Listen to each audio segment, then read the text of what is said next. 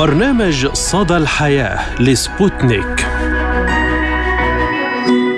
مرحبا بكم مستمعينا الكرام في حلقة جديدة من برنامج صدى الحياة. أقدمه لكم اليوم أنا عماد فايلي وأنا فرح القادري نتحدث اليوم عن مواضيع متنوعة وأهم الأخبار التي كانت الترند لهذا الأسبوع. ونبدأ الحلقة بموضوعنا الرئيسي حول ظاهرة امتلاك وحمل السلاح الناري في لبنان من قبل النساء للدفاع عن أنفسهن. تعد الأزمة الاقتصادية الراهنة التي يشهدها لبنان هي الأخطر على مدى تاريخه المعاصر. فالمؤشرات الاقتصادية وانعكاساتها الاجتماعية الخطيرة لم تعرفها البلاد حتى أثناء الحرب الأهلية التي استمرت نحو 15 عاما فجاء انهيار قيمة العملة الوطنية لتفرز أكبر أزمة تشهدها البلاد منذ استقلالها عام 1943 وفقدت الليرة اللبنانية أكثر من 90% من قيمتها مما رفع تكلفة كل شيء في الدولة المعتمدة اعتمادا قويا على الواردات وقوض القوة الشرائية للعملة وأصبحت رواتب الموظفين لا تساوي إلا القليل من الدولارات. وتكبد النظام المالي اللبناني خسائر فادحة بما يشمل نحو 44 مليار دولار في المصرف المركزي تتعلق بإخفاق الجهود الرامية لدعم العملة وذلك وفقا لبيانات بيانات حكومية سابقة كما أن هناك شلل في البنوك اللبنانية إذ منع المودعون من حساباتهم الدولارية كما تطبق عمليات السحب بالعملة المحلية أسعار صرف تمحو 80% من قيمتها. وفي ظل هذا الواقع المرير يهاجر اللبنانيون في موجة خروج جماعي هي الأكبر منذ الحرب الأهلية التي دارت بين عامي 1975 و 1990 ولقناعتهم أن مدخراتهم تبخرت فلا يفكر كثير منهم في العودة هذه المرة إذ بدأوا بناء حياتهم من الصفر. أما من تبقى في لبنان يعاني هذه الأوضاع الاقتصادية المزرية التي أدت إلى وجود ظواهر اجتماعية سلبية ومنها ازدهار تجارة الأسلحة الفردية في لبنان خصوصا بعد تفشي السرقات والنشل التي تستهدف كل فئات المجتمع والمناطق دون استثناء. لكن اللافت هو إقبال النساء على حيازة مسدسات للدفاع عن أنفسهن. وإذا كانت ظاهرة امتلاك السلاح الناري شائعة في لبنان حتى قبل سنوات الحرب الأهلية فإن تلك الظاهرة كانت مقتصرة على الرجال أما الجديد فيها هو دخول النساء على خطها. وبعد مرور أكثر من ثلاثين عاما على نهاية الحرب الأهلية تشير تقديرات دولية إلى وجود نحو مليوني قطعة سلاح بين أيدي اللبنانيين وفي خزائنهم.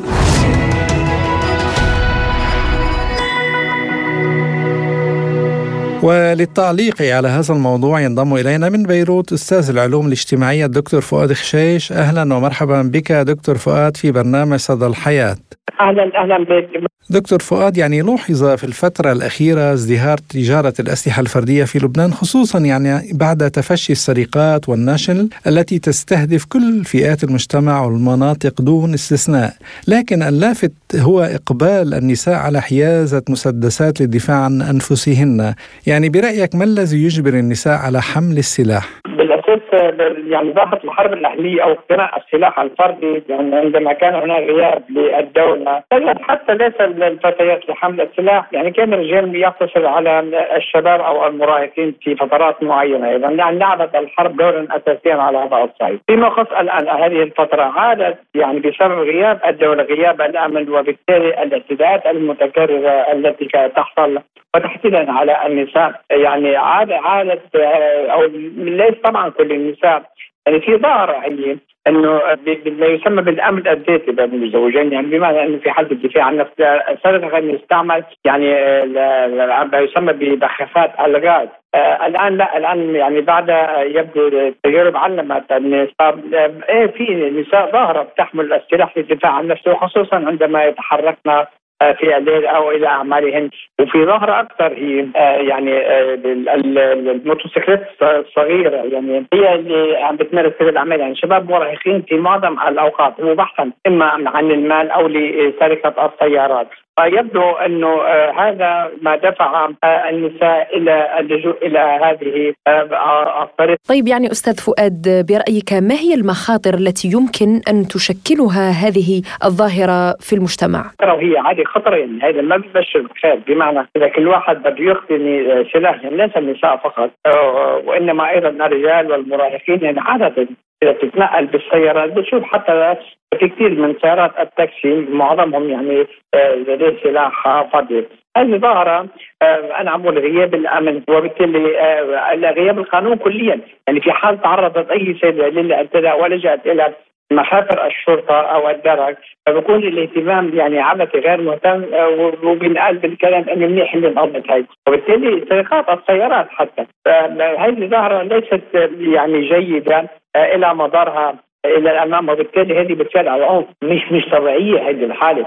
بصير القاتل عادي بصير شيء سهل. وبالتالي القانون هم من يحاسب آه، من؟ يعني وبالتالي نحن آه، مجتمع أيضا آه، أحيانا القبليه في تلعب دور. بمعنى أنه إذا تم الاعتداء على فتاة أو معينة بحج إخواتها أهلها أو قريبها أيضا بحمل السلاح في أي منطقة كانت أو يعني عم تعمل اشتباكات حتى يعني آه، عائلي وهذه مشكلة كمان. يجب النظر إليها من هذا الواقع الاجتماعي المرير الذي يمر به آه، لبنان. أنا برأيي ظاهره ليست صحية. أكيد انعكاساتها خطيرة مستقبلا لأنه الفتاة أو الإمرأة التي تحمل سلاح وبالتالي كيف تتعاطى داخل بيتها؟ عم بيكون أيضا العنف ينتقل إلى البيت إلى العلاقات الاجتماعية.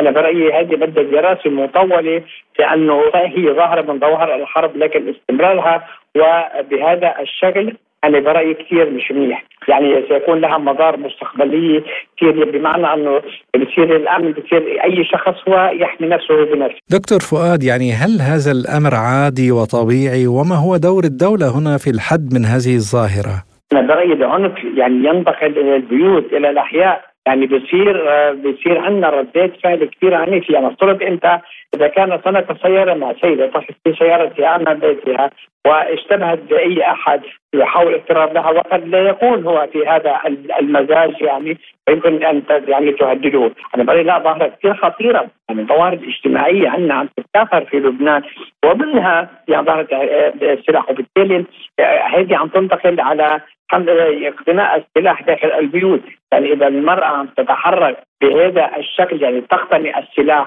والرجال يقتنون السلاح يعني افترض في صار أي حادث في الشارع. اذا القتل هو آه، سيد الموقف لأنه آه، عندما تقتني هذه قطعة سلاح يعني وبتصير يعني هي التي تسيرك لأنه العقل هون ما بيعود يشتغل بصير العنف بتصير يعني الغريزة هي التي آه، تتحرك بهذا المعنى. يعني في حال كان مرور سير افترض على سبيل المثال أنه نظر شاب ما إلى فتاة يمكن قد تكون نظرة طبيعية يعني مش قاطع أو بالتاكسي أو أي ذلك. أنا برأيي يعني وعم بتصير عم بتصير كثير عم تكون حالة العنف هي ردة الفعل هي القتل أنا عم بقول غياب القانون عم يسمح بانتشار هذه الظاهره هذا ليس ظاهره صحيه، يعني المجتمع اللبناني لم ينتهي إذا بدك من مسلسل الحروب الداخلية، وهذا جزء من الحروب الداخلية، لأنه مش بس هيك.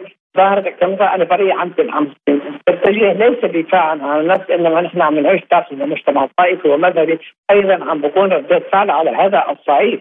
هذا شيء مش صح يعني يعني لإعادة تكوين مجتمع. كل حال نحن عم نعاني من افات اجتماعيه كثير كبيره غياب القانون الدولة غياب الأمن الحاجة المادية الحاجة الاقتصادية. عند المراهقين تحديدا هي عم تلقى باعتداءات متكررة. يعني مش عم بكون في مجال للحديث أو للكلام لا عم بكون راسا إما التهديد على الحال حتى استعمال السكاكين.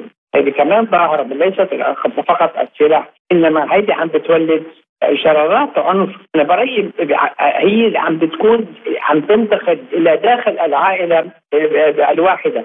بمعنى يتم التباهي على الحاله بتقعد بالبيوت بتسمع هذه الأحاديث إنه اقتنيت سلاح اقتنيت مع أي وسيلة أخرى للدفاع عن النفس فبكون يمكن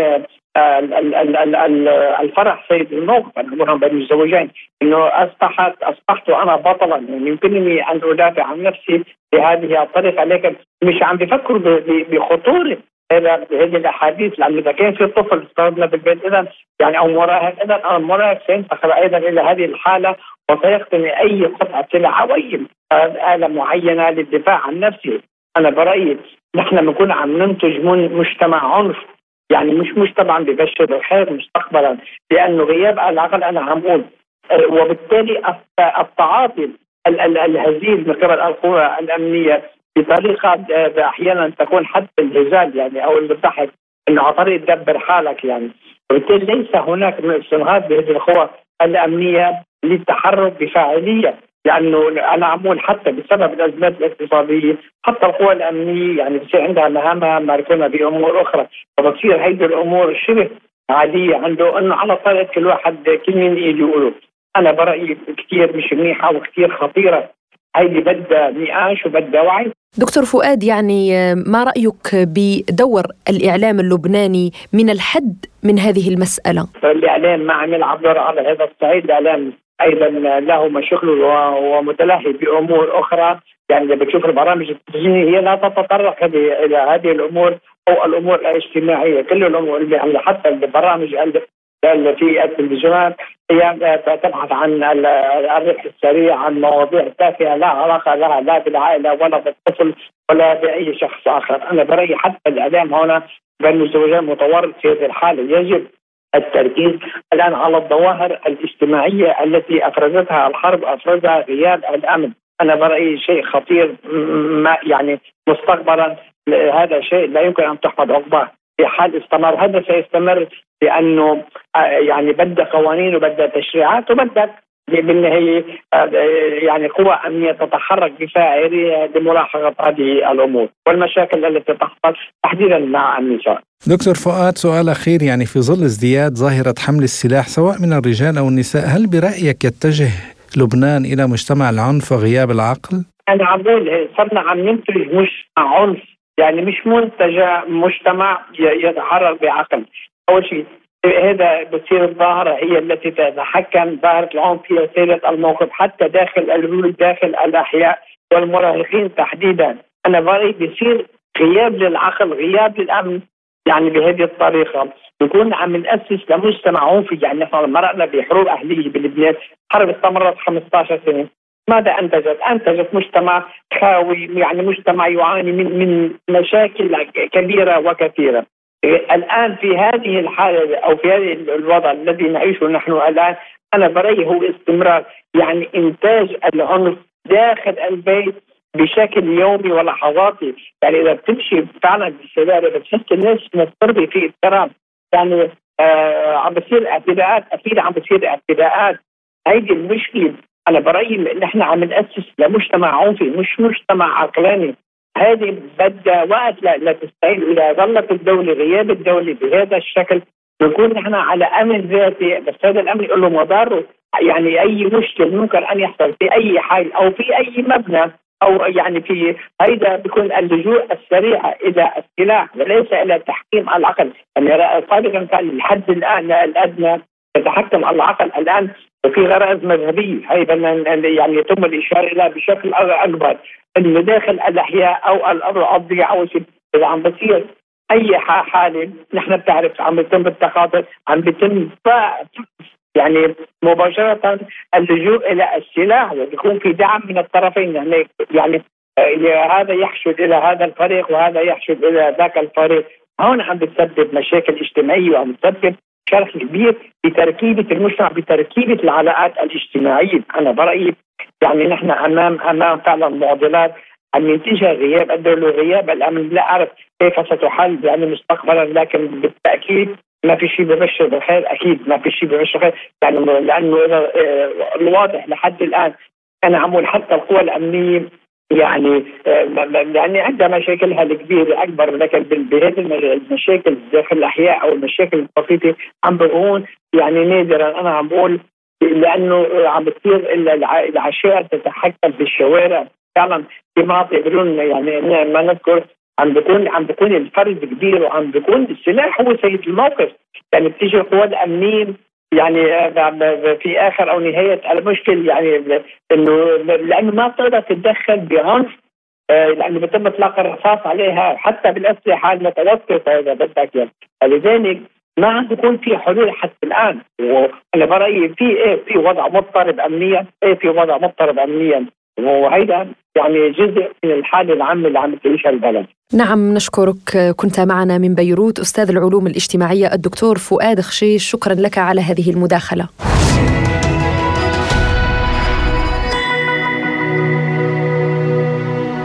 وللتعليق على هذا الموضوع تنضم إلينا من بيروت الأستاذة والناشطة اللبنانية علياء عوضة أهلا وسهلا بك أستاذة علياء وشكرا لتواجدك اليوم معنا في صدى الحياة. شكرا لك فرح ولعماد يعني لما نتحدث عن حيازة السلاح. ما يتبادر إلى أذهاننا هو الرجل الذي يحمل السلاح. وفي لبنان اليوم آه، منظور آخر. امرأة تحمل السلاح. برأيك ما هي أهم الأسباب التي قد تدفع بالنساء إلى حمل السلاح؟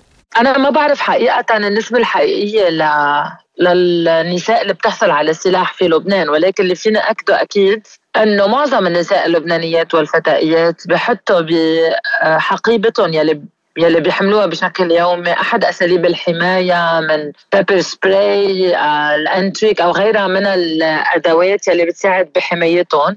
والسبب الرئيسي بهذا الموضوع هو مش من هلأ من زمان نحن ما في حماية للنساء بالشارع ولكن خلال الأزمة يلي حاصلة بالبلد وبعد التوترات أو عدم الأمان للنساء بالشوارع عم يدفعهم ليكونوا هن عم يحاولوا يحموا حالهم بأنفسهم. طيب يعني استاذه علياء أنت كناشطة آه، نسائية آه، هل حمل السلاح للمرأة يعود إلى إبراز قوتها أو ما الهدف منه؟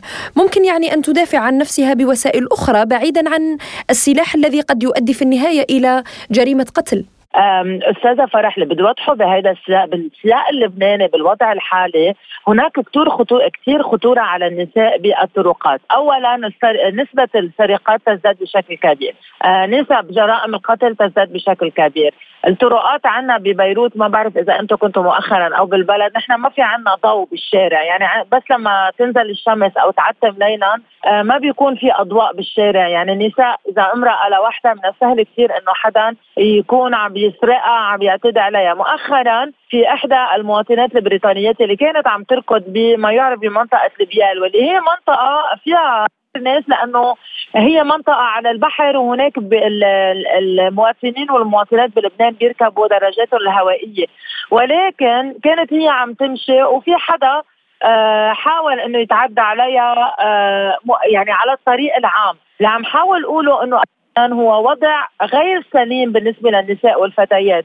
النساء والفتيات ما عم يشعروا بالأمان وبالتالي هن عم بيحاولوا يحصلوا على أكبر قدر من الحماية الذاتية يلي بتسمح إنه هن يحافظوا على حياتهم وعلى وجودهم خلال التنقلات بسبب هيدا الوضع يلي عم بيصير في كثير نساء بطلت تنزل على العاصمة مثلا من مناطق بعيدة بسبب عدم الأمان على الطرقات وغيره. في منهم عم ينحرموا من التعليم في منهم عم عم يتركوا أشغالهم. الوضع هو ليس بال يعني بالسهولة يلي بيعتقدها الوضع بسبب كل الأزمات اللي عم بمر فيها البلد سواء بالفراغ عم نحكي عن الوضع الامني، الوضع الاقتصادي، الوضع الاجتماعي وغيره من يعني آه، المشاكل يلي عم بتصير بقلب البلد. طيب آه، بالإضافة إلى أنه هاي النساء تحمل السلاح للدفاع عن أنفسهن يعني ما هي المشاكل وال... التي تعاني منها المرأة اللبنانية بالدرجة الأولى؟ المشاكل يعني آه، إذا بدنا نعدد كل مشاكل البلد يلي عددتهم من شوي أول تأثير عم بيكون على النساء والفتيات. بدءا من أزمة كورونا للفراغات الفراغات السياسية اللي عم بتصير بالبلد للأزمة الاقتصادية. يعني الأزمة الاقتصادية نتيجتها المباشرة هي على النساء. يلي هن صار عددهم هن الأكثر بنسبة البطالة، لما نحكي عن أزمة أمنية عم نحكي عن خطورة مباشرة على حيوات النساء بالشوارع بلبنان، لما نحكي عن أزمة اجتماعية عم نحكي عن ازدياد عنف بشكل كثير كبير آه، ضد النساء بسبب ما يجري في في البلد. بهيدا كله عم بيصير بإطار في عنا فراغ سياسي في عنا عدم أخذ الأمور المتعلقة بالنساء بشكل جدي في عنا محاكمات لمجرمين عم بحكي بجرائم قتل النساء بتتأجل لأنه القضاء بعدها الموظفين بيكونوا مقدربين. وبالتالي كل ما يحصل في هيدا البلد يظهر بشكل كبير تأثيره المباشر على إذا بدك كل ما يتعلق بالنساء وحياتهم اليومية بدءا من آه، حياتهم الخاصة داخل داخل منازلهم والعنف المتزايد ضدهم وصولا إلى آه، البطالة وصولا إلى عدم قدرتهم على آه، ارتياد الجامعات وغيرها. الناشطة النسائية علياء عواضة كنت معنا من بيروت. شكرا جزيلا لك أستاذة علياء. شكرا عماد شكرا فرح شكرا مع السلامة. بالتوفيق.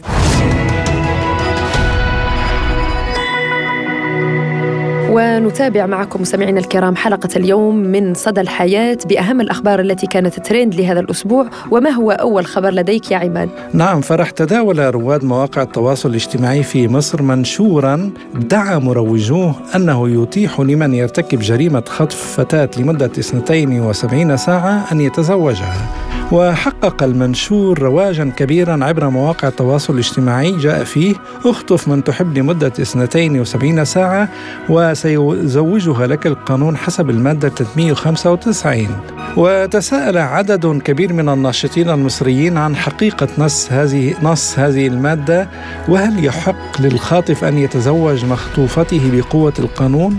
وهذا ما دفع عددا من المحامين إلى رفع الصوت والتحذير من خطورته. وفي حديث صحفي يقول المحامي والحقوقي المصري أحمد أبو المجد ما جاء في هذه المنشورات تضليل.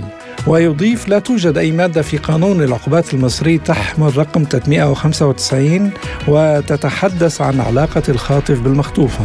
ويتابع قائلا المادة الوحيدة القريبة مما يروجه المنشور كانت تحمل الرقم 291 وتبنتها مصر عام 1904 من القانون الفرنسي قبل أن تلغى وكانت تعفي المجرم المغتصب من العقوبة إن تزوج الضحية وألغيت المادة 291 من القانون المصري عام 1999 من جهته شدد الحقوقي المصري أحمد سميح مدير مركز أندلس لدراسات التسامح ومناهضة العنف على أن الخطف في القانون جريمة حتى لو كان بمبررات عاطفية. ويقول سميح في تصريحات صحفية إن القانون لا يزوج أحدا عن طريق الإرغام والمواثيق الدولية لحقوق الإنسان تتعامل مع المرأة على أساس أنها من الفئات التي تحتاج للدعم والمناصرة ويضيف سميح المنشور يهدف لتضليل الناس وسط ظروف اقتصادية صعبت الزواج ويختم قائلا لا المعلومات في المنشور صحيحة ولا المنطق منضبط ولا القانون يسمح طبيعي يعني زميلي عماد أن القانون لن يسمح بمثل هذه التجاوزات يعني انفتح المجال لأن يخطف شاب فتاة مدة 72 ساعة ويتزوجها فيفتحون المجال للاغتصاب كما يعني أشرت في صحيح. المادة التي ألغيت سنة 1999 في المملكة العربية السعودية وخبر ترند أيضا أثار خبر تبرع عائلة سعودية بأعضاء ابنها المتوفى دماغيا. مشاعر جمهور مواقع التواصل الاجتماعي بشكل واسع واستفاد من من هذا التبرع ستة أشخاص حصلوا على فرصة حياة جديدة بزراعة أعضاء سليمة في أجسادهم. وانقسم المغردون بين من تخوف من هذه المبادرة ومن اعترض عليها استنادا لفتوى دينية وبين من أشاد بها واعتبرها موقفا نبيلا فيه تضحية لإنقاذ حياة أشخاص آخرين. وبادر أب سعودي بالتبرع بأعضاء ابنه آه، والبالغ من العمر 16 عاما تقريبا ليستفيد منها ستة أشخاص يعانون من أمراض القصور العضوي النهائي. الأمر الذي رسم البسمة على وجوه المرضى وذويهم وعكس روح الوفاء وحب الآخرين. الآخرين وادخار الأجر بحسب وصف المركز السعودي لزراعة الأعضاء. وأشاد العديد من رواد مواقع التواصل الاجتماعي بهذه المبادرة وأكثروا من الدعاء للمتوفى ولعائلته التي تركت حزنها على وفاة ابنها من أجل إدخال السرور على قلوب ستة عائلات أخرى. وبارك الله في هذا الأب الذي يعني تصرف بكل إنسانية يعني. نعم يعني كمن أحيا نفسا كما أن كأنما أحيا الناس جميعا. هذه الناحية ناحية التبرع بالأعضاء تبقى أمر آه، خاص بكل إنسان من يستطيع أن يتبرع ومن لا يستطيع أن يتبرع بأعضائه. الخبر الثالث عندك يا زميل عماد. الخبر الثالث يتحدث عن افتتاح مهرجان فن الشارع في دربنت الداغستانية إحياء للذكرى المئة لميلاد الشاعر آه، رسول حمزاتف يعني اجتمع في مدينة دربنت الداغستانية يوم الواحد الحادي والعشرين من مايو الجاري فنانون تشكيليون موهوبون يمثلون مختلف المدن الروسية. ليرسموا على جدران العمارات المتعددة الطوابق قصصا مستوحاة من قصائد الشعر الشعبي السوفيتي والدغستاني الكبير رسول حمزاتف. يذكر أن رسول حمزاتف هو الشاعر السوفيتي الدغستاني والإعلامي والسياسي والشاعر الشعبي لجمهورية دغستان السوفيتية الذاتية الحكم وبطل العمل الاشتراكي وحائز جائزتي لينين وستالين وولد الشاعر في قرية تسادا في الثامن من سبتمبر عام 1923 وألف على مدى سني عمره عشرات الدواوين الشعرية وكتب النثر والبلاغة باللغتين الأفارية والروسية بما في ذلك دواوين النجوم الشامخة المخطوطات عام ميلادي وغيرها وشكل العديد من قصائده أساسا للأغنيات المشهورة ومن أشهرها أغنية الغرانيق وأنا تسنى لي يعني خلال دراستي في جامعة الصداقة بين الشعوب في يعني منتصف الثمانينات أن ألتقي به في احتفال عام في الجامع. كان مدعو إليه هذا الشاعر العظيم. نعم يعني ولمكانته الكبيرة في في روسيا أصدر الرئيس الروسي فلاديمير بوتين مرسوما رئيسيا يقضي بإحياء الذكرى المئوية لميلاد الشاعر الذي لعب دورا بارزا في تطوير الثقافة الوطنية. وإلى خبر طبي آخر طبيبة روسية تحدد من عليهم تجنب تناول الكرز. أعلنت الدكتورة يكاترينا كشوخ أخصائية أمراض الجهاز الهضمي أن تناول كميات كبيرة من الكرز يشكل خطورة على من يعاني من داء السكري. وتشير الأخصائية إلى أن الكرز يحتوي على العديد من العناصر المعدنية الضرورية للإنسان كما يحتوي على فيتامينات البي واحد البي اثنان وفيتامين السي والاي والبوتاسيوم والفوسفور والحديد والكروم واليود.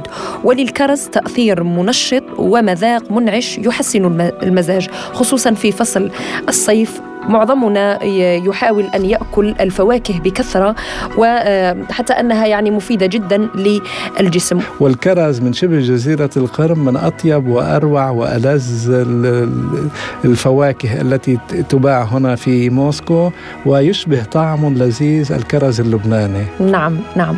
إلى هنا نصل وإياكم مستمعينا الكرام إلى ختام حلقة اليوم من برنامج صدى الحياة. كنا معكم أنا فرح القادري. وأنا عماد طفيلي وشكرا لإصغائكم وإلى اللقاء. إلى اللقاء.